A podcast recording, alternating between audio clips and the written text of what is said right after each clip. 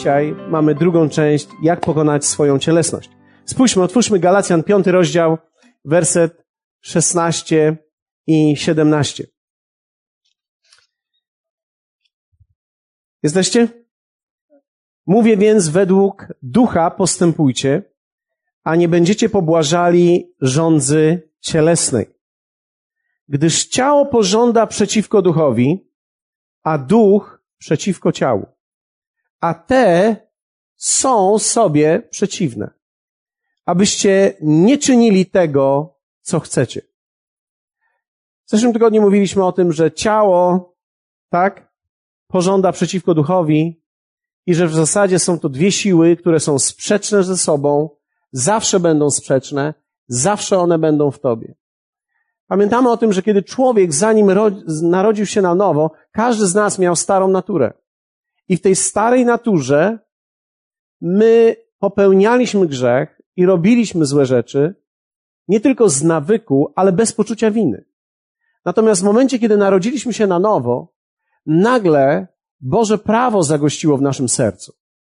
I Boże prawo sprawia, że nawet jeśli nie znam wszystkiego, to intuicyjnie gdzieś wewnątrz, w środku wiem, co jest dobre albo co jest złe. Nikt nie musi mi mówić, że coś jest dobre. Nikt nie musi mówić mi, że coś jest złe. Ja po prostu czuję w środku, że to jest nie tak. I nagle nawet okazuje się, że drobne rzeczy, które wydawały się dla mnie wcześniej zupełnie błahe, ja nie chcę obok nich przejść tak zupełnie lekceważąco. Dla mnie nagle są one problemem, ponieważ mam inną naturę i czuję w środku potępienie. Wiecie, rozmawialiśmy ostatnio po spotkaniu, myślę, że to jest niesamowite. Nie możemy tak zawsze walczyć z potępieniem. Zwróciłem uwagę, że niektórzy wierzący ciągle walczą z potępieniem. Ja rozumiem, że istnieje niewłaściwy rodzaj potępienia. Kiedy nie wiesz, kim jesteś w Chrystusie, diabeł tak naprawdę wykorzystuje to i potępia ciebie i niszczy ciebie wewnątrz ciebie. Ale w pewnym sensie, kiedy człowiek robi coś źle i czuje się źle, to jest dobrze. To jest dar od Boga. W pewnym sensie to, że robiąc źle czujesz się niewłaściwie, to jest coś bardzo dobrego. Dlatego, że Bóg daje ci wewnątrz ciebie, w twoim sumieniu, w twoim wnętrzu sygnał, że coś się dzieje nie tak. Zobaczcie, werset 17 tutaj mówi tak, gdyż ciało pożąda przeciwko duchowi, a duch przeciwko ciału, a te są sobie przeciwne. I teraz zobaczcie, abyście nie czynili tego, co chcecie. I tutaj zaczyna się całe chrześcijaństwo. Powiedzmy razem chrześcijaństwo. Wiecie, nie chrześcijaństwo, chrześcijaństwo. Chrześcijaństwo zaczyna się właśnie w tym momencie, że apostoł Paweł mówi, abyście nie czynili tego, co chcecie. To oznacza, albo może powiedzmy najpierw, co, co, co to nie oznacza. To nie oznacza, że nie możesz mieć marzeń. To nie oznacza wcale, że Bóg nie ma dla ciebie też dobrych rzeczy, wspaniałych darów. To wcale nie oznacza, że nie możesz mieć jakiejś ambicji. To wcale nie oznacza, że nie możesz mieć celów. Ale to oznacza, że nagle ty nie jesteś centrum życia, tylko on wewnątrz ciebie. I to nie ty sam wyznaczasz sobie, co byś chciał w życiu robić. Tylko konsultujesz to z tym, który nie tylko jest autorem twojego życia, ale również stał się jego panem. Tutaj mamy to słowo panem. Wiecie, kiedy człowiek zaczyna robić to, co chce, wraca z powrotem do tego, jak żył. I zaczyna żyć porządliwością swoją, która prowadzi go do samozniszczenia. To, co diabeł chce w Twoim życiu, to jest to, abyś z powrotem wrócił do takiego miejsca, w którym mówisz, hej, ja też mam życie. Mi się też coś od życia należy. Końcu ja też muszę decydować. W końcu chodzi też o mnie. Okej, okay, to są bardzo dobre słowa. Ale wiecie, te słowa tak naprawdę sprawiają, że zaczynasz myśleć o sobie. Zaczynasz myśleć o tym w niewłaściwy sposób. Dlatego, że istnieje właściwe i niewłaściwe myślenie o sobie. Można o sobie myśleć właściwie i można o sobie myśleć niewłaściwie. Można zatroszczyć się o swoje życie, a można również stać się pępkiem świata dla samego siebie. Bóg nigdy nie chce, żebyś żył wyparciem i odsunął swoje życie i powiedział, nie ma znaczenia moje życie, ale z drugiej strony Bóg nie chce i to nie jest Jego wola, abyś nagle stał się pępkiem świata i abyś Ty powiedział, teraz tu chodzi tylko i wyłącznie o mnie. A do tego będzie Twoje ciało, Twoje ciało będzie zmierzało. W Twoich członkach nie mieszka dobro. W Twoich członkach, w Twojej cielesności nie mieszka nic świętego. Ono zawsze będzie chciało czegoś, co nie powinno. Dziękuję Wam za ten entuzjazm. Widzę, że mróz nieco zmroził Wasze tempo dzisiaj, ale dokładnie tak to jest. Ciało zawsze będzie coś chciało. Powiedzmy razem. Ciało zawsze będzie chciało. Ciało zawsze będzie chciało. Ono nigdy nie przestanie chcieć. Kiedy patrzymy na apostoła Pawła i myślimy sobie, kiedy ktoś jest apostołem, to na pewno już nic nie chce, tylko wolę Bożą wypełniać. Tak, w swoim umyśle on chce wypełniać wolę Bożą, ale w jego ciele, jego ciało będzie zawsze chciało coś innego, coś sprzecznego, coś, co jest zupełnie inne niż wola Boża. Zmęczenie, katar, tak? Cokolwiek. Człowiek się czuje zmęczony, napełnienie woli Bożej. Napełnienie woli Bożą. Człowiek się czuje zawsze, wiecie, dzisiaj to jest w ogóle moda, zmęczenie. Zmęczenie jest modą. Dlatego, dlaczego? Bo, bo kiedy powiem, że jestem zmęczony, to nie tylko usprawiedliwiam siebie, usprawiedliwiam cały świat. Cały świat jest tak skonstruowany. Jestem zmęczony, jesteśmy zmęczeni. I wiecie, kiedy powiesz, że jesteś zmęczony, któż powie ci, że nie jesteś? Kto ci powie, jak ty się masz czuć? Kiedy ty powiesz, że jesteś zmęczony, natychmiast jesteś usprawiedliwiony. To jest prawie tak, jakbyśmy, jak się spóźnialiśmy do szkoły i mówiliśmy za każdym razem, że babcia umarła. I, i, i wiecie, nie było nas w szkole, bo babcia umarła i, i, i niektórzy pochowali wiele bab w swoim życiu. Ja wiem, że tak, tego nie robią, ale za moich czasów to była, to była wymówka w modzie. W Księdze Sędziów, w 21 rozdziale, w wersecie 25, to jest ostatni werset Księgi Sędziów. Księga Sędziów, sędziowie w Starym Testamencie byli tak jak apostołowie, w pewnym sensie w Nowym. W Księdze Sędziów widzimy zamieszanie. Werset 25 mówi tak. W tym czasie nie było jeszcze króla w Izraelu. Nie było pana. Każdy robił, co mu się podobało. Każdy robił, co mu się podobało. Powiedzmy, każdy? Każdy robił, co mu się podobało. Wierzcie mi, Kościół dzisiaj jest pełen ludzi, którzy robią, co im się podoba. Absolutnie, dokładnie, co im się podoba. Jeszcze nawet są ludzie, którzy są tacy sprytni, że używają poznania Biblii do tego, żeby wytłumaczyć to, że robią, co im się podoba. No, cytować można różne wersety. Na przykład, jestem wolny w Chrystusie. Albo jak zapalę, nie ma żadnego potępienia.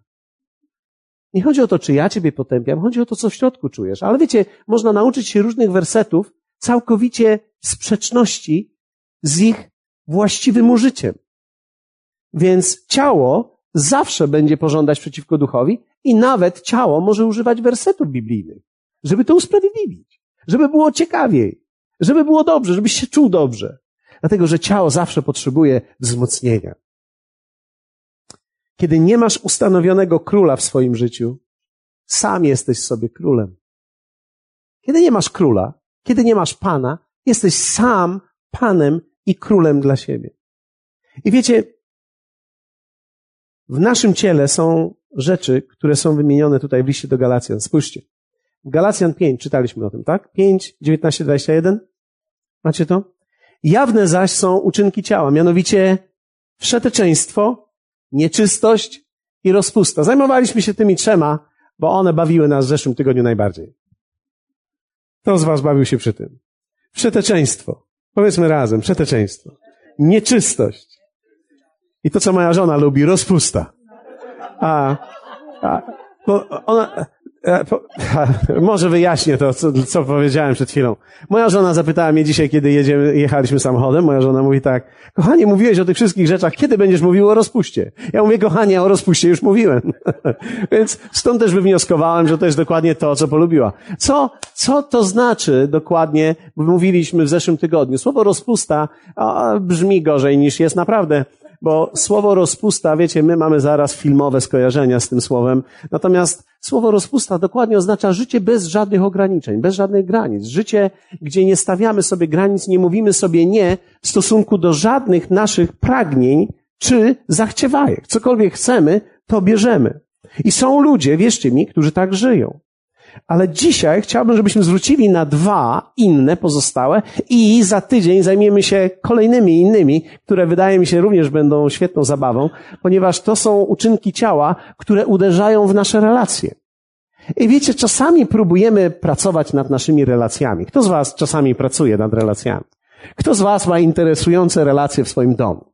Żona, mąż, dzieci, przyjaciel, ktoś w pracy. Wiecie, my pracujemy nad relacjami, ale tak naprawdę czasami próbujemy przyłożyć nieprawdopodobnie duchowe rzeczy do tego. Próbujemy wyrzucać diabła, próbujemy zastanawiać się i całą psychologię opanować na temat, dlaczego ten człowiek jest taki, jaki jest. Dlaczego ja się zachowuję tak, jak się zachowuję. Prawdopodobnie to jeszcze z pradziadka trzymam coś.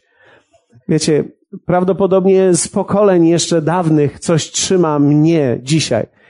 Ale w rzeczywistości, kiedy patrzymy na ten tekst słowa, czasami rzeczy wydają się o wiele prostsze niż nam się wydają.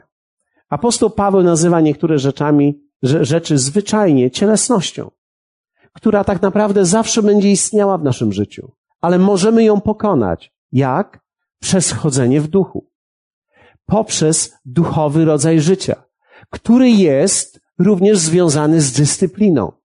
Nie można tak naprawdę żyć w duchowy sposób, kiedy człowiek nie żyje w zdyscyplinowany sposób.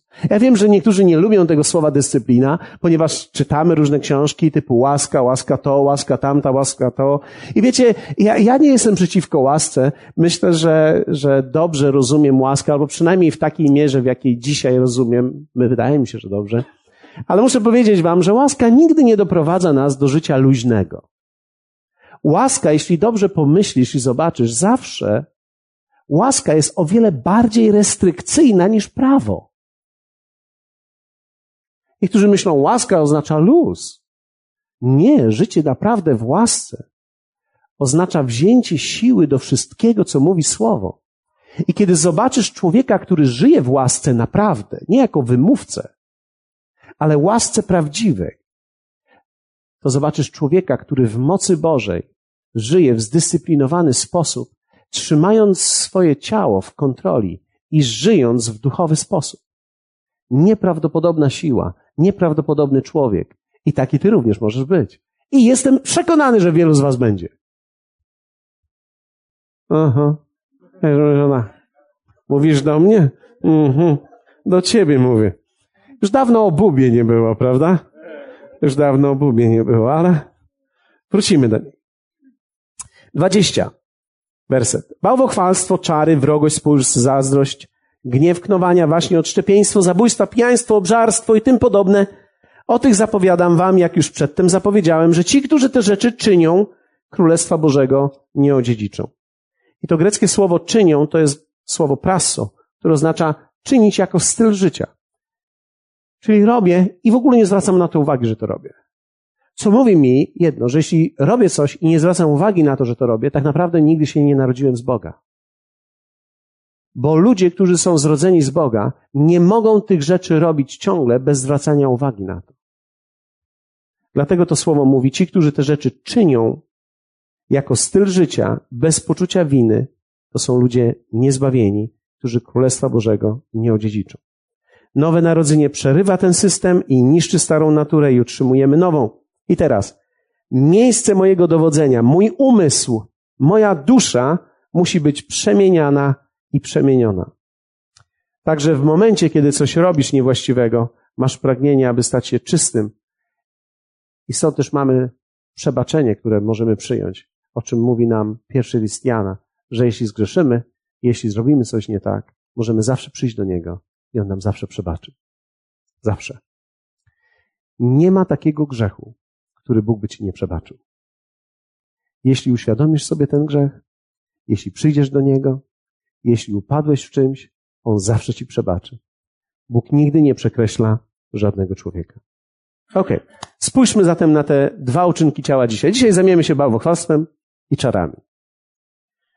Ok. Co wy na to? Bałwochwalstwo i czary. Ok. Kiedy mówimy bałwochwalstwo, jest bardzo ciekawy. Pamiętajcie, że mówimy dzisiaj o uczynkach ciała. Nie mówimy o żadnej religii, tylko mówimy o uczynkach ciała. To jest bardzo ciekawe, co w naszym ciele mieszka, prawda? Bo się okazuje, że w naszym ciele mieszka bałwochwalstwo. W Twoim ciele i w moim ciele mieszka bałwochwalstwo. Wiecie, kiedy mówimy słowo bałwochwalstwo, najczęściej myślimy o wielkim posągu, który zrobił człowiek i myślimy o tym, że ktoś oddaje mu pokłon i mówimy, to jest bałwochwalstwo. Albo kiedy wchodzimy czasami, ja kiedyś pamiętam, byłem bardzo, albo może bardziej e, zwracałem na to uwagę. Patrzę, że wisi jakiś obraz i pomyślałem sobie, a to jest element bałwochwalstwa. Albo widziałem człowieka, który nosił jakiś emblemat na szyi, mówię, to jest element bałwochwalstwa. Wiecie, tak wcale nie jest. To może tak być, ale wcale nie musi tak być. Bałwochwalstwo jako uczynek ciała jest czymś o wiele głębszym niż nam się wydaje. To wcale nie jest tak, że jeśli ktoś powiesi sobie obraz, to nagle to jest bałwochwalstwo. Nie. Może nawet tak być, że ten, który to mówi, że to jest bałwochwalstwo, który nie ma w domu obrazu, jest większym bałwochwalcą niż ten, który powiesił sobie obraz na ścianie. Dlaczego? Bo to jest o wiele głębiej niż nam się wydaje. Tu nie chodzi tylko o to, że kiedy sobie coś powieszę albo sobie zbuduję jakąś figurę, to teraz muszę przed nią się kłaniać. Niektórzy robią różne rzeczy z powodów dekoracyjnych. Wcale nie oznacza to wielkiego bałwochwalstwa w ich życiu. Wcale nie musi oznaczać, że to jest element bałwochwalstwa w ich życiu. Spójrzmy na to słowo bałwochwalstwo. Bardzo interesujące. Apostoł Paweł mówi, że ono jest w moim ciele. Jak ono się manifestuje w moim ciele?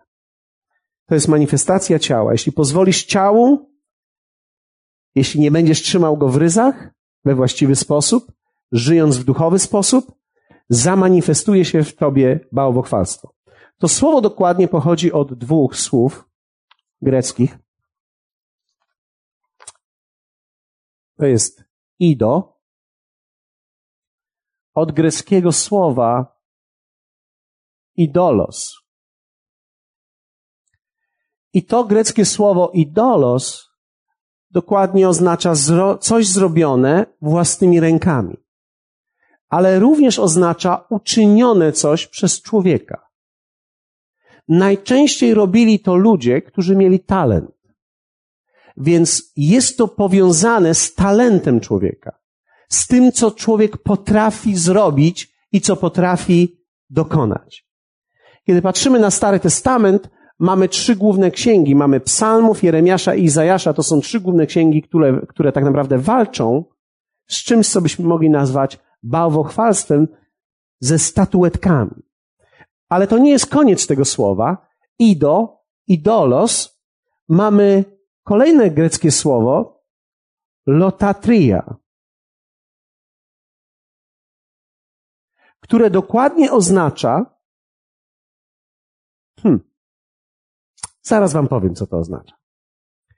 Powinno być przetłumaczone, my mamy to słowo przetłumaczone jako bałwo, tak?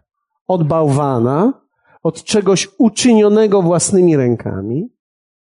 Chwalstwo. Od chwalenia. Tak? Dokładnie powinno być tutaj, to słowo oznacza służyć albo poświęcić się czemuś całkowicie. Poświęcić się temu do maksimum priorytetu w moim życiu.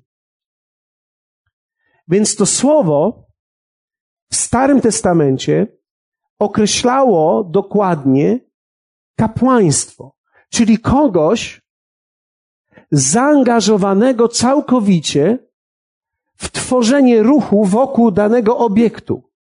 Ja byłem odpowiedzialny, byłem całkowicie poświęcony, żeby ten obiekt, który jest obiektem uczynionym, miał wystarczającą ilość uwagi z mojej strony, żeby przez przypadek coś się mi nie stało.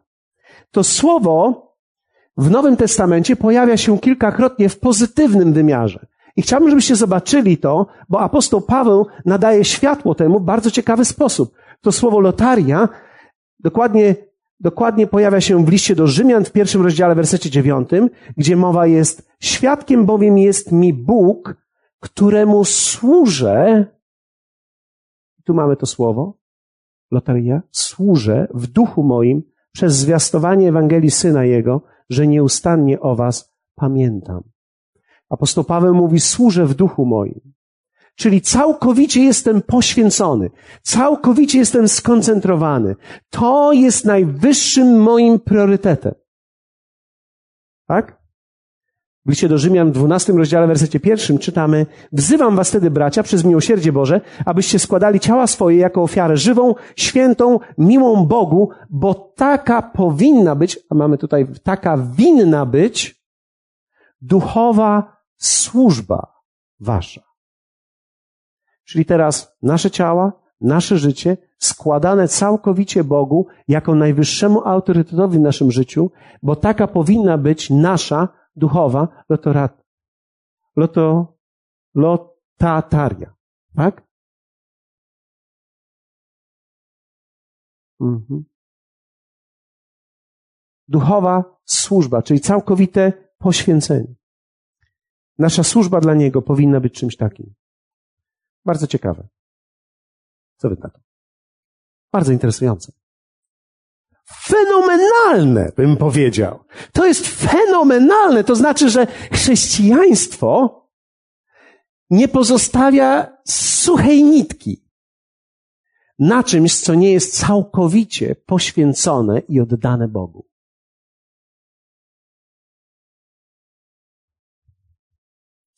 W Ewangelii Łukasza w 16 rozdziale, w wersecie 13, znany fragment. Jezus mówi tak, żaden sługa nie może dwóm panom służyć. Gdyż albo jednego nienawidzieć będzie, a drugiego miłować, albo jednego trzymać się będzie, a drugim pogardzi. Nie możecie Bogu służyć i mamonie. Wiecie, kiedyś myślałem, że nie można mieć pieniędzy i służyć Bogu. Czyli wydawało mi się, że człowiek, który służy Bogu, nie może mieć pieniędzy. Ale ten tekst tego nie mówi. Nie można służyć pieniądzom i służyć Bogu. Czyli nie mogę stworzyć w moim życiu tak naprawdę miejsca, w którym tyle samo uwagi i poświęcenia z mojej strony jest zarówno w stronę mojego Boga, jak i w stronę moich pieniędzy. Jesteście ze mną? Dokładnie, gdybyśmy mieli przetłumaczyć ten fragment, Jezus mówi, nie, że nie możecie dwóm panom służyć, tylko powinno być tam słowo obsłużyć. Czyli nie da się dwóch panów dobrze obsłużyć. Kto z was chciałby mieć dwie żony? Do, dobrze pomyślcie. Do, dobrze pomyślcie, zanim odpowiecie, że to jest naprawdę świetny pomysł. Dobrze, dobrze pomyślcie, zanim pomyślicie o tych wszystkich fajnych rzeczach z filmu, bo pomyśl przez chwilę, po, już pomyślałeś, już pomyślałeś. Dlaczego? Dlaczego? Bo się nie da obsłużyć właściwie więcej niż jedną żonę. Wyobraźmy sobie, że masz duży dom i że sam musisz sprzątać w tym. Nie da się obsłużyć dobrze dwóch dużych domów.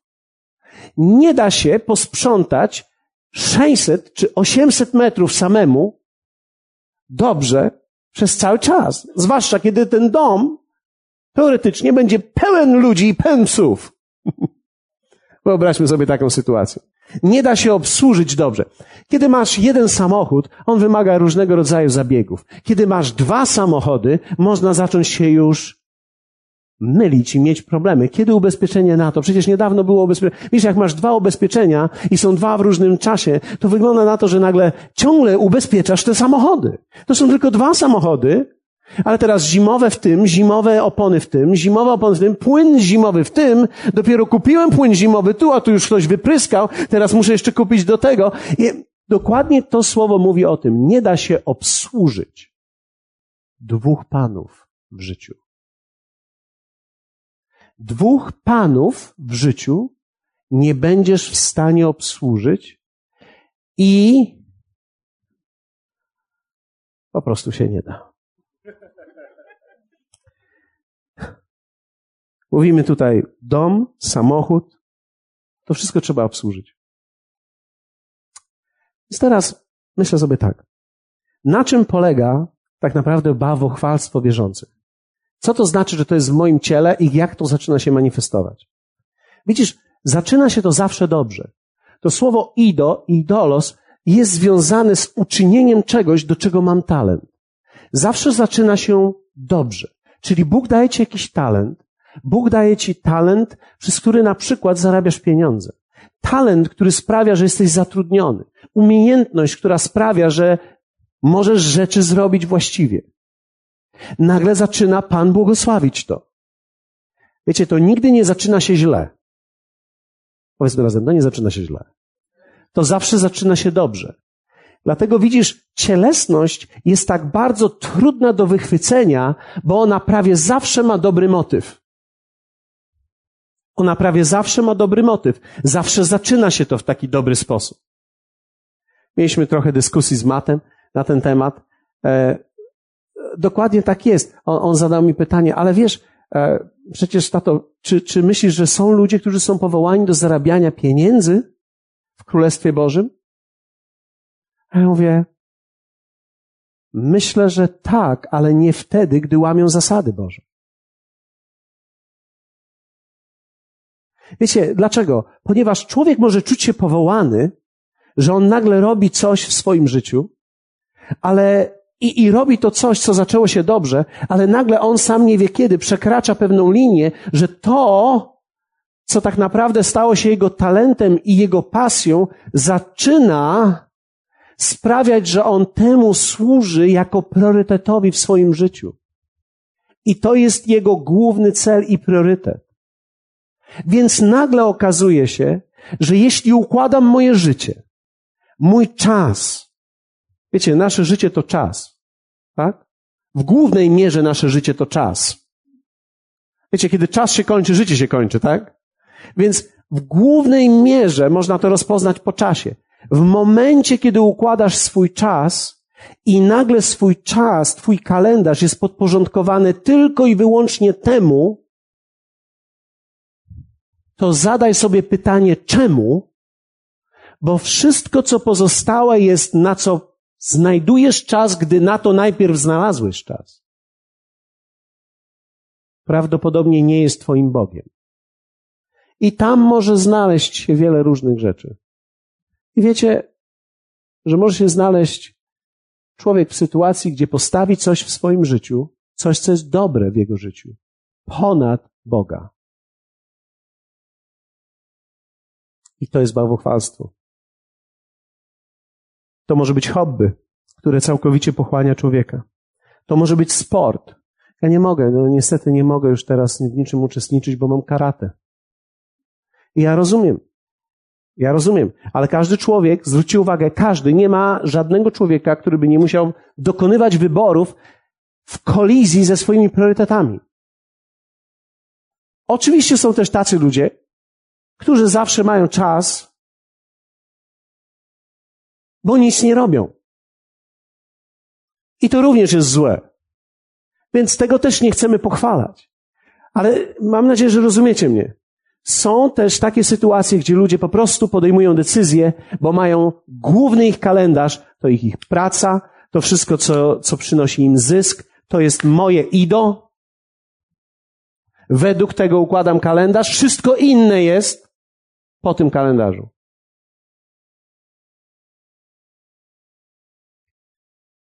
Musimy uważać na to.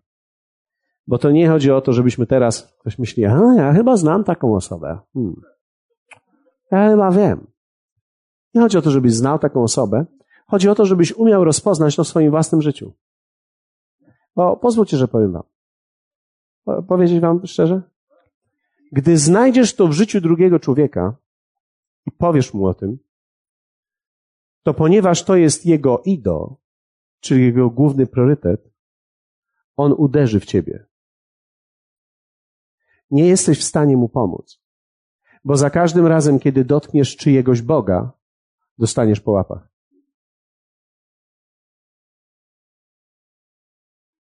Zawsze. Za każdym razem, gdy dotkniesz czyjegoś Boga, pamiętaj. To jest moje. Zbudowałem teologię wokół tego. Zbudowałem całe moje życie wokół tego. To jest najważniejsze dla mnie. Proszę, żebyś tego nie dotykał. To mogą być różnego rodzaju rzeczy. Mogą to być dzieci. Dzieci dla mnie najważniejsze. Moje dziecko, mój, mój, mój, użyjmy kogoś, kto się nie obrazi. Mój Bartuś najważniejszy będzie. Mój Bartuś będzie najważniejszy. Mój Bartuś i Krystianek będzie najważniejszy w moim życiu. Ich dobro to mój cel. I wiecie, to nigdy nie zaczyna się źle. Najgorsze w cielesności jest to, że to wszystko dobrze brzmi. Gdyby to brzmiało źle, to mielibyśmy prostą sytuację. Ale ponieważ to dobrze brzmi, tylko dany człowiek w swoim sercu może postawić granicę i powiedzieć tak, Bartoś i Krystianek bardzo dobrze, ale mój Bóg jest najważniejszy. I w momencie, kiedy ja postawię to jako rodzic, w tym momencie wszystko się właściwie układa. Wiecie, pamiętam, jak kiedyś, jak kiedyś ktoś przyszedł do mnie i powiedział mi, pastorze, było wiele lat temu, kilkanaście lat temu, pastorze, wybacz, nie będziemy mogli teraz z żoną bywać tak często na spotkaniach ponieważ nasze małżeństwo jest w niezbyt dobrej sytuacji, więc muszę poświęcić się tak naprawdę rodzinie i zdobyć ją, i zdobyć ją tak naprawdę dla siebie. Myśmy zmarnowali tyle czasu, źle się dzieje, więc będziemy teraz razem, będziemy wyjeżdżać, będziemy mieli weekendy, w końcu potrzebujemy, cały tydzień pracujemy, nie widzimy się, będziemy razem już teraz ze sobą. Wiecie, to brzmi dobrze. Jak wielu z Was czuje, że to brzmi dobrze? Człowiek chce zainwestować. Problem jest tylko taki, że to nie działa. Dlatego, że w momencie, kiedy kogoś uczynisz swoim najwyższym priorytetem, to będzie prowadziło do samozniszczenia. To małżeństwo dzisiaj nie istnieje i oboje z nich tak naprawdę, jako wierzący ludzie, nie mogą sobie życia ułożyć. Nie mogą. Dlaczego? Bo nie da się ułożyć właściwie bez Boga na pierwszym miejscu. Wiecie, Bóg na pierwszym miejscu to nie jest kara. Niektórzy mówią, no to mówisz, że tego Boga mówisz na pierwszym miejscu, musimy teraz. No. No dobra. Widzisz, to nie jest kara. To jest jedyny ratunek dla ciebie. To jest jedyny ratunek dla mnie. Dlatego, że jeśli on nie będzie na pierwszym miejscu, wierz mi, coś się rozsypie. Problem jest tylko taki, że to nie od razu się rozsypuje. Gdyby to się rozsypało od razu, to mielibyśmy wszystko jasne. Gdyby to się rozsypało po tygodniu, byłoby świetnie. Najgorsze jest to, że to się sypie po latach dopiero. I później już nie mamy czasu. Cielesność jest tak sprytna, że ona wchodzi, nabiera teologii miękkiej, nazwę to miękkiej, bo to zawsze są cytaty stoją za tym. O, Pan mnie powołał do doskonałego małżeństwa. Pan mnie powołał, żebym teraz odpoczął i odpoczęła. Y, dobrze to brzmi. No, no i to jest problem. Nie da się z tym walczyć. Bo jak jesteś w stanie powiedzieć człowiekowi? Jak? Dostaniesz wtedy po łapkach. Za każdym razem. To jest dzieło cielesności człowieka. Widzisz, Bóg nie chce ci nic zabrać. On chce, abyś to wszystko miał. Ale to jest w moich członkach, żeby tą dobrą rzecz, którą Bóg mi daje, zawsze pociągnąć dalej niż jest jej miejsce. Moja praca, moje dzieci, moje hobby, cokolwiek. Nawet Matt zadał mi pytanie wczoraj, bardzo interesujące, czy pastorowanie również można przesunąć do miejsca bałwochwalstwa? Myślałem sobie przez chwilę, to jest bardzo ciekawe pytanie. Myślę, że tak. Że można w momencie, kiedy chęć pomocy ludziom przekroczy pewne normy. Ktoś może powiedzieć, czy są jakieś normy? Tak, są. Że ja mogę tak naprawdę pomagać komuś, a moja żona w tym samym czasie jest sama, moje dzieci nie mają ojca, a ja próbuję uratować kogoś, kogo być może uratować się nie da. Czyli tak naprawdę zajmuję się bardziej kimś i zdobywam cały świat, niż troszczę się o to, co Bóg mi dał w moim najbliższym miejscu. Czyli nawet z tych, wiecie, i to jest problem. Problem polega na tym, że to jest, zaczęło się dobrze. Że to jest dobry motyw, tylko że jest posunięty zbyt daleko. Że, wiecie, za każdym razem, kiedy ktoś dzwoni, ach, oczywiście, że mam czas, no pewnie, że tak. Ile potrzebujesz tego czasu? I wiecie, masz czas dla wszystkich ludzi, a gdy żona mówi, może byś szafkę poprawił, no mówisz, nie mam czasu. Nie masz czasu na szafkę, żeby ją naprawić, nie masz czasu, żeby żarówkę wymienić, która nie świeci od dwóch miesięcy, nie masz czasu, żeby coś, co odpada, przykleić, ale masz czas dla wszystkich.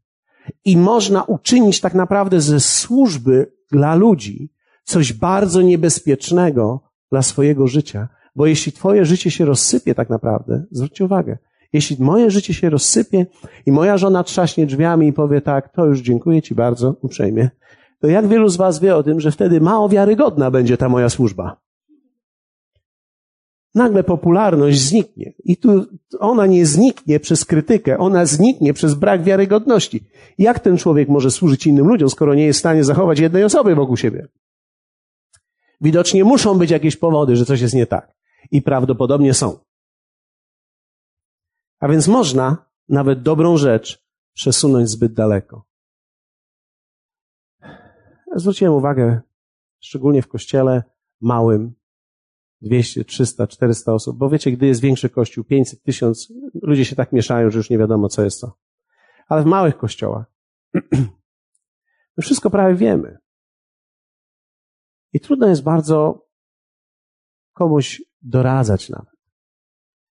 Najtrudniejsze jest to, że cielesność, gdy zaczyna brać kontrolę nad człowiekiem, człowiek staje się zaborczy względem tego, co przejmuje kontrolę nad jego życiem. I zaczyna o to walczyć. I kiedy zwracasz uwagę, człowiek staje się agresywny. O to. I to jest bardzo trudne. Dlatego cielesność człowiek najlepiej, gdy rozprawia się z nią sam. Ty i twoja cielesność. Kiedy będziesz człowiekiem, który sam postawi sobie granice i upewni się, że Jezus i Bóg są na pierwszym miejscu Twojego życia. I wiecie, ja nie mówię tutaj tylko i wyłącznie o chodzeniu do kościoła. To jest jedna z rzeczy, jedna z części. Ja, e, wierzcie mi, myśmy ostatnio zwrócili uwagę, że im bardziej ludzie dojrzewają, tym mniej chodzą do kościoła. Dojrzewają w latach. I zgadnijcie, co jeszcze do, do, dojrzewa w nich. Cielesność. Cielesność również dojrzewa bo już nie ma takiej ekscytacji, bo już nie ma takiego, wiecie, powiewu i od danego spotkania nie zależy teraz zmiana mojego życia. Teraz zmień mnie, Panie. Za chwilę dojdziemy, bo ludzie tego oczekiwali bardzo często. Tylko to okazuje się, że ta zmiana to jest powolna zmiana. Wymaga lat pracy, wymaga lat słuchania, lat słuchania słowa, lat słuchania, lat bycia w słowie. I wiecie mi, wie, wiecie co? To się nigdy nie skończy. Czytam księgę Daniela, on w słowie był, mając 93 lata, w dalszym ciągu studiował i w dalszym ciągu się zmieniał. Ja mam nadzieję, że niektórzy z Was dotrą tu z balkonikami. No ktoś może powiedzieć, no byś no już powinieneś siedzieć w domu, czekać na śmierć. Widzisz, widzisz, mo, może wystarczy. Ja, wiecie o czym mówię? Mówię o tym, że tak naprawdę przemiana powinna być częścią naszego życia nieustannie. I jeśli tak się nie stanie, to cielesność w naszym życiu przejmie kontrolę. I niektórzy ludzie, widzę, po 10-15 latach już zaczynają kalendarz układać, mówiąc, a to kiedyś się spotkamy, bye, na razie. Bye, na razie. I ja nie mam problemu z tym. Problem, który myślę powstanie, to jest w momencie, kiedy człowiek się sam nie zorientuje i jest ugotowany Bo jednej rzeczy ja nie mogę zrobić jako pastor. Nie mogę wiedzieć, kim Bóg chce, abyś się stał. Ale diabeł zrobi wszystko, żebyś się nim nie stał. On cię okradnie z twojego wzrostu. I jeśli nie może cię zatrzymać bezpośrednio, to cię będzie podkarmiał. On ci podsunie różne teksty. Powie, jesteś teraz wolny w Chrystusie przecież. A w ogóle to nie ma żadnego potępienia dla tych, którzy są w Chrystusie. A w ogóle to jeszcze, to, to jeszcze w ogóle nie ma ani dnia, ani pory dla tych, którzy są w Chrystusie. I w ogóle można jeść i pić, co się chce dla tych, którzy są w Chrystusie, tylko nie trzeba pytać, skąd to pochodzi. Więc wiecie, człowiek może taką sobie teologię stworzyć, że możesz być pijakiem i nie czuć się potępiony. Możesz w ogóle Bogu nie służyć i nie czuć się potępiony. I to jest wszystko kwestia Twojej cielesności. Ja muszę pilnować siebie. Muszę pilnować siebie, aby nic, co robię, aby nic, co jest wokół mnie, nawet kiedy zaczęliśmy budować dom, wiecie, kiedy człowiek, ja, ja widzę to, kiedy człowiek zaczyna budować coś, albo kupujesz działkę, są ludzie, którzy morsami byli i przyszli do mnie i mówią tak, sezon morsów jest w niedzielę o 12. Więc przepraszam cię, pastorze, nie będziemy na spotkaniach. Ja mówię, okej, okay, bądź morsem, nie musisz być chrześcijaninem. Przecież Przecież jaka to jest, jaki to jest problem? No bądź morsem, nie musisz być wierzącym. Wiecie, ja, nie, przecież nie chodzi o to, żebym teraz powiedział nie bądź morsem. Ale jeśli, jeśli twój mors sprawia, że ty nie możesz jemu służyć, no bo ja cię przepraszam, no nie zrobimy spotkania dla morsów o 19. Tak? Bo będziemy mieli spotkanie dla trzech. Więc nie możemy tego zrobić, nie jesteśmy w stanie tego zrobić. Ktoś może powiedzieć, no ale ja się pomodlę w samochodzie. Tak, ja, ja wiecie, ja spotkałem takiego człowieka, którego zapytałem go, jak się modlisz, a on mówi, ja mam bardzo prosty sposób modlitwy. Po prostu leżę na łóżku i myślę sobie o Bogu i później zasypiam. Naprawdę jest to wspaniałe, to jest fenomenalny sposób modlitwy. Się sobie, nie, nie, no, to jest świetne, naprawdę. Niektórzy mu powiedzieli mi, że się modlą jak śpią. Ja myślę sobie, to jest genialne w ogóle. To już jaka to jest dyscyplina potrzebna? Żadna. Po prostu kładziesz się spać i myślisz sobie, Jezu. Im więcej śpisz, tym dłużej się modlisz.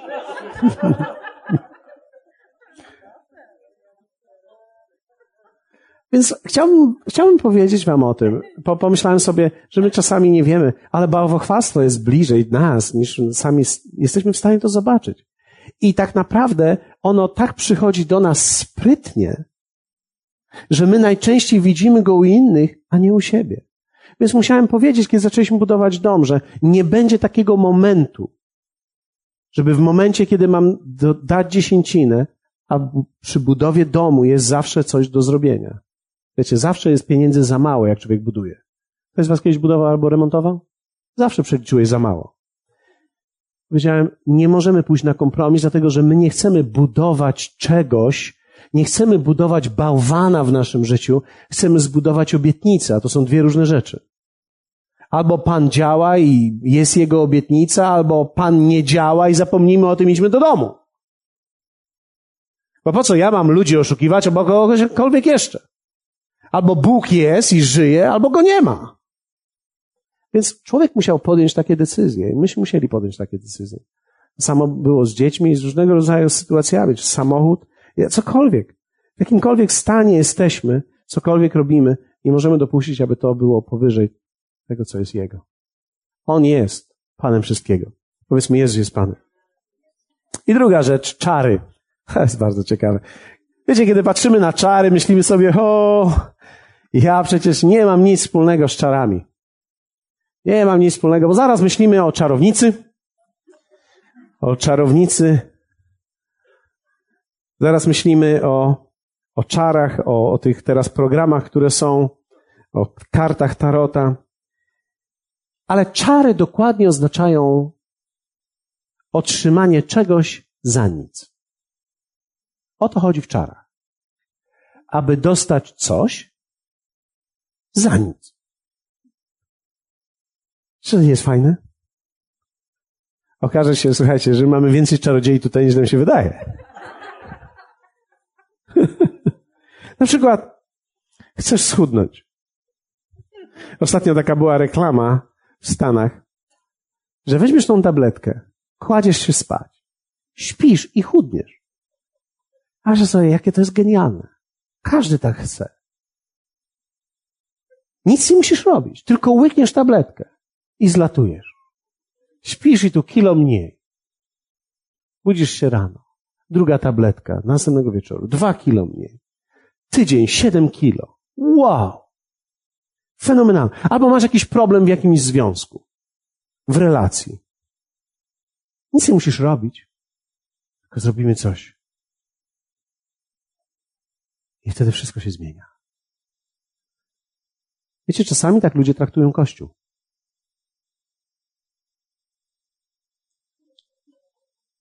Nie żartuję. Ludzie przychodzą, mają bałagan we wszystkim. Pieniędzy nie ma. Kobieta nie chce nic. Wszystko źle. Oni przychodzą, Jezus mi teraz pomoże. I teraz przychodzą do Jezusa i wiecie,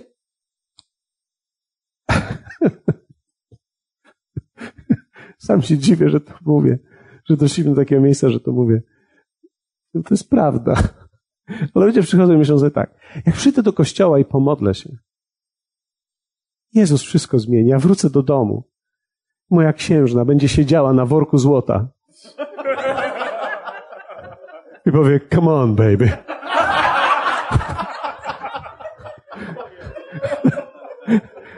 A ty nie wiedząc kiedy, kiedy kaznodzieja nakładał ręce na ciebie, 30 kilo zrzuciłeś. Nie wiadomo czemu szaty przybrały inny odcień. I wracasz do domu już nie poplamiony, ale elegancki gość. Ileż to ludzi przychodzi do kościoła myśląc sobie tak, teraz przyjdę i dam szansę Jezusowi, może On coś pomoże. Tak, On chce Ci pomóc. Tylko jak to miałoby być, żeby 30, 40 czy 50 lat bałaganienia nagle w jeden dzień miał to załatwić? Toż to Jezus Chrystus byłby największym czarodziejem świata. A wszyscy mówią, właśnie, o to nam chodzi, o takiego czarodzieja, o znaki nam chodzi, o cuda nam chodzi, uczyń cud! Chciałem się powiedzieć, puch, puch, puch. Czy jest tam ktoś? Ja nie chcę powiedzieć, że Jezus nie może uczynić cudów w Twoim sercu. On zmienia Ciebie w ciągu jednego dnia, w ciągu jednej chwili. On jest w stanie dotknąć Twoje serce i w ciągu jednej sekundy stajesz się zupełnie nowym człowiekiem. Ale kiedy wracasz do domu, to zgadnij, Twój pies będzie się nazywał tak samo. I będzie tak samo niewykąpany, jak go zostawiłeś. I... i w twoim domu będzie łóżko niezaścielone, którego nie zaścieliłeś śpiesząc się do kościoła i wiele innych rzeczy się nie zmieni. Twoja fryzura się nie zmieni włosy ci nowe nie wyrosną. Wierz mi, wiele rzeczy będzie wymagało twojego po prostu chodzenia z nim dalej i prostowania ścieżek i budowania życia. Ludzie chcą czarów. Cielesność jest w, w nas. I wiecie, że w nas jest to pragnienie? Jak, jak ja o tym mówię, wiecie dlaczego my żartujemy? Bo my wszyscy się w tym odnajdujemy. Bo my wszyscy czujemy, że to jest gdzieś blisko nas, że tak w pewnym sensie może aż takie ekstremum to nie, ale że ja bym tak chciał. Że, że przyjdę. Niektórzy myśleli w ten sposób. Oddam moją dziesięcinę. I teraz zobaczę. No. Skąd te okno? Niebieskie. Pamiętaj, że ma być niebieskie. Ono się musi otworzyć. Gdzie ono się otworzy? Z której strony? Później się po miesiącu nie otworzyło, dwa się zamknęły. Czyli mamusia i teściowa przestały cię wspierać. I, I wiecie, i, i ty myślisz sobie, Jezus, ty nie działasz. No i chciałoby się, żeby, żeby Bóg, gdyby mógł, powiedziałby, ja nie jestem czarodziejem. Ja jestem Bogiem. A to są dwie różne funkcje. I zupełnie dwie różne osoby. Hallelujah! Zaczęło mi to pikać teraz. Wiecie, to słowo na czary. Mamy jeszcze trzy minuty tutaj.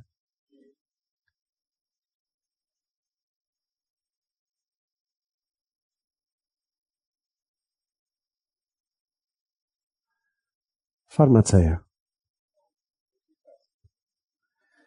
Bardzo ciekawe.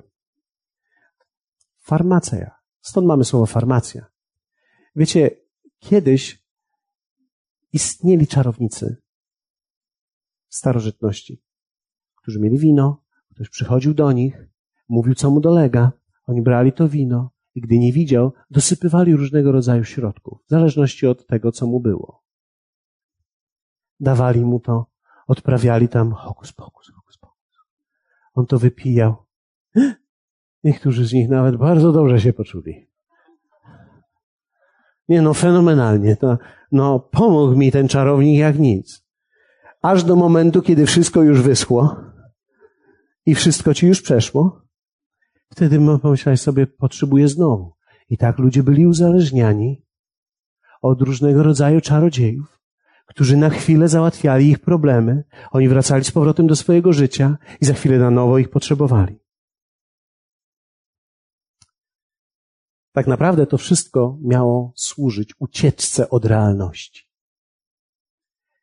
To słowo dokładnie oznacza przyjąć coś za nic albo uciec od realności. Cielesność nienawidzi realności. Cielesność szuka zawsze odlotu od realności. I ludzie dokonują tego odlotu na różne sposoby. Wybaczcie mi to słowo odlot, ale rzeczywiście tak jest. Dlatego niektórzy ludzie piją. Albo ktoś zapali, tak wciągnie. Nie poczuje. O. Ten moment, bo tu chodzi o ten moment, odleciałem. Wypiłem. Niektórzy mają inne. Inne. Nie chcą, wiecie, zapalić światła i usiądźmy i porozmawiajmy. No to będziemy rozmawiać, tak? Tak będziemy rozmawiać? O czym będziemy rozmawiać? Włączmy film albo muzykę, najlepiej film. I są ludzie, którzy każdego dnia wypożyczają coś i oglądają taki film, a później taki film, a później taki film. Dlaczego? Bo, bo wiecie, ja nie mam nic przeciwko filmom. Tylko nasza cielesność nigdy nie znajdzie granicy.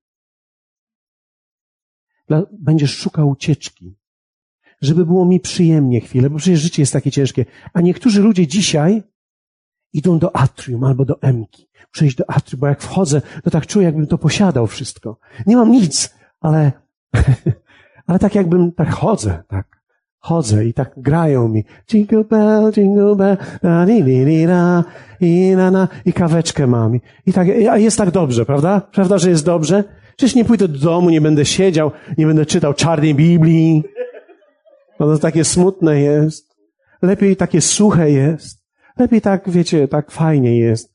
Jingle bell, jingle bell. A może pan to, a może pan to, a teraz mamy już różne techniki sprzedażowe, więc wiecie, to jest umiejętność odejścia w fantazję. Dokładnie to jest to, co jest w naszej cielesności. Szukamy fantazji. Niektórzy od, odjeżdżają w komputer, w świat Facebooka, i ten powiedział to. Hm, zastanówmy się. Lubię? Nie lubię. Nie wiem. Idę dalej. O, zdjęcie. Piesek. O, proszę, jaki miły piesek. I wiecie, dwie, trzy godziny. Dwie, trzy godziny. I jesteś w świecie wszystkich innych ludzi. W świecie, którego nie ma. To jest tylko ekran. Za nim nie ma nic. My stworzyliśmy ten świat. Wiecie, są ludzie, którzy są w tych programach tak zwanych second life. Drugie życie. Nie mają własnego życia już. Nie mają nic. A tam kupili posiadłości, poślubili żony, mają nawet dzieci. Mają psa, który ma imię. Oni tylko, żeby im ktoś podawał coś cały czas do tego komputera, żeby najlepiej by było, jakby byli podłączeni pod rury. Pod rury i monitor. I żeby wszystko, co wychodzi, niech wychodzi, a co wchodzi, niech wchodzi. I co jakiś czas, kiedy się to wszystko resetuje, zróbmy prysznic z suszeniem, jak w samochodzie. Dlaczego? Wiecie, ja, ja, ja nie wiem, czy wam też to tak czy byliście tacy zdziwieni, jak wchodziłeś na, na komputer i nagle wchodzisz na Skype i z tym rozmawiasz, albo na Facebook i z tym rozmawiasz i później wchodzisz, wchodzisz do tego wielkiego świata internetu. W teraz można znaleźć wszystko. I słuchasz tego, i oglądasz to, i czaty takie, i ci gadają o tym, i ci teraz o tym, i ty żyjesz tym. Nie porozmawiasz z żoną, która jest obok ciebie. No przecież nie masz czasu. Jesteś zmęczony, prawda? Powiedzmy razem, zmęczony jestem, nie mam czasu, więc siedzę przez trzy godziny przed Facebookiem albo komputerem. Ach, to jest mój świat. Gry różnego rodzaju. Wiecie, ilu dzisiaj jest uzależnionych ludzi od gier? Uzależnienie to nie jest związane z tym, że teraz ta gra jest taka świetna. Nie, nie, nie. Dlatego, że ich życie jest takie szare i takie bezpłciowe, i oni nie mogą się z tym pogodzić. Więc człowiek zawsze szuka farmacei, apteki, w której mi coś dadzą, żebym nie musiał stawić czoła temu szaremu życiu. Czarny chleb i czarna kawa. Żeby nie musiał tak żyć. Żebym mógł żyć kolorowo, świątecznie, wspaniale, żebym żył w moim świecie fantazji, ale żebym nic nie musiał robić. Żebym miał coś za nic. Jak, jak wielu z Was widzi, że to, to nam wszystkim zagraża? Życie fantazji. Dlatego też potrzebujesz czytać Słowo każdego dnia. Zmierzyć się z realnością i z życiem wyłączyć telewizor od czasu do czasu i popatrzeć na tych, z którymi siedzisz. Wiecie, my spędzamy czas z różnymi serialami i my wiemy, co temu w małżeństwie i tamtemu, i brzydula, i, i kargul, i my wiemy już wszystko, co w modzie na sukces, i wiemy, że ten, a, a my nie wiemy, co czuje drugi człowiek, który obok nas siedzi. I czasami przychodzimy do kościoła i chcemy, Panie, relacje moje popraw. A z nieba jest głos, wyłącz TV. Wyłącz TV. Ale my sobie nie możemy tego wyobrazić, bo wiecie, gdy nam się telewizor popsuje, to, jest gorszy kryzys, jakby wody nie było. Bo wiecie, wodę można przeżyć, ale telewizora nie ma. No co my teraz zrobimy? Gdzie my teraz pójdziemy? Do kogo teraz pójdziemy? Myślałem, że to są bardzo interesujące rzeczy, które są w każdym z nas. To nie jest tak, że